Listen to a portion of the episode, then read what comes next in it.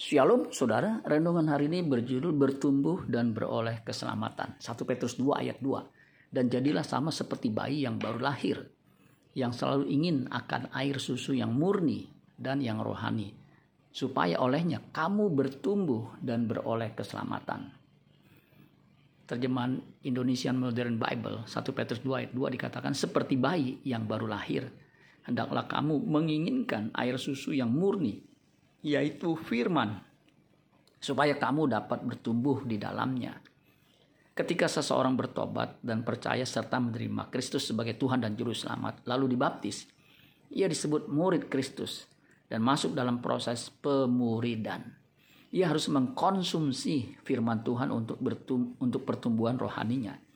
Hanya firman Tuhan yang akan menguduskannya, sehingga ia menjadi manusia baru, berkodrat ilahi, Yohanes 17 ayat 17. Kuduskanlah mereka dalam kebenaran. Firmanmu adalah kebenaran. Itulah sebabnya keselamatan adalah dikembalikannya manusia ke rancangan semula. Kejadian 1 ayat 26. Berfirmanlah Allah. Baiklah kita menjadikan manusia menurut gambar dan rupa kita. Supaya mereka berkuasa atas ikan-ikan di laut dan burung-burung di udara dan atas ternak dan atas seluruh bumi dan atas segala binatang melata yang merayap di bumi Roma 1 ayat 16 dan 17. Sebab aku mempunyai keyakinan yang kokoh dalam Injil. Karena Injil adalah kekuatan Allah yang menyelamatkan setiap orang yang percaya. Pertama-tama orang Yahudi, tetapi juga orang Yunani. Sebab di dalamnya nyata kebenaran Allah yang bertolak dari iman dan memimpin kepada iman seperti ada tertulis. Orang benar akan hidup oleh iman.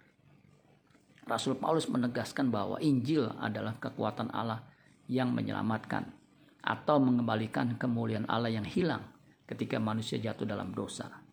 Roma 3 ayat 23 dan 24. Karena semua orang telah berbuat dosa dan telah kehilangan kemuliaan Allah dan oleh kasih karunia telah dibenarkan dengan cuma-cuma karena penebusan dalam Kristus Yesus marilah kita memberi diri diselamatkan dengan bersedia dimuridkan. Amin buat firman Tuhan. Tuhan Yesus memberkati. Sola Gracia.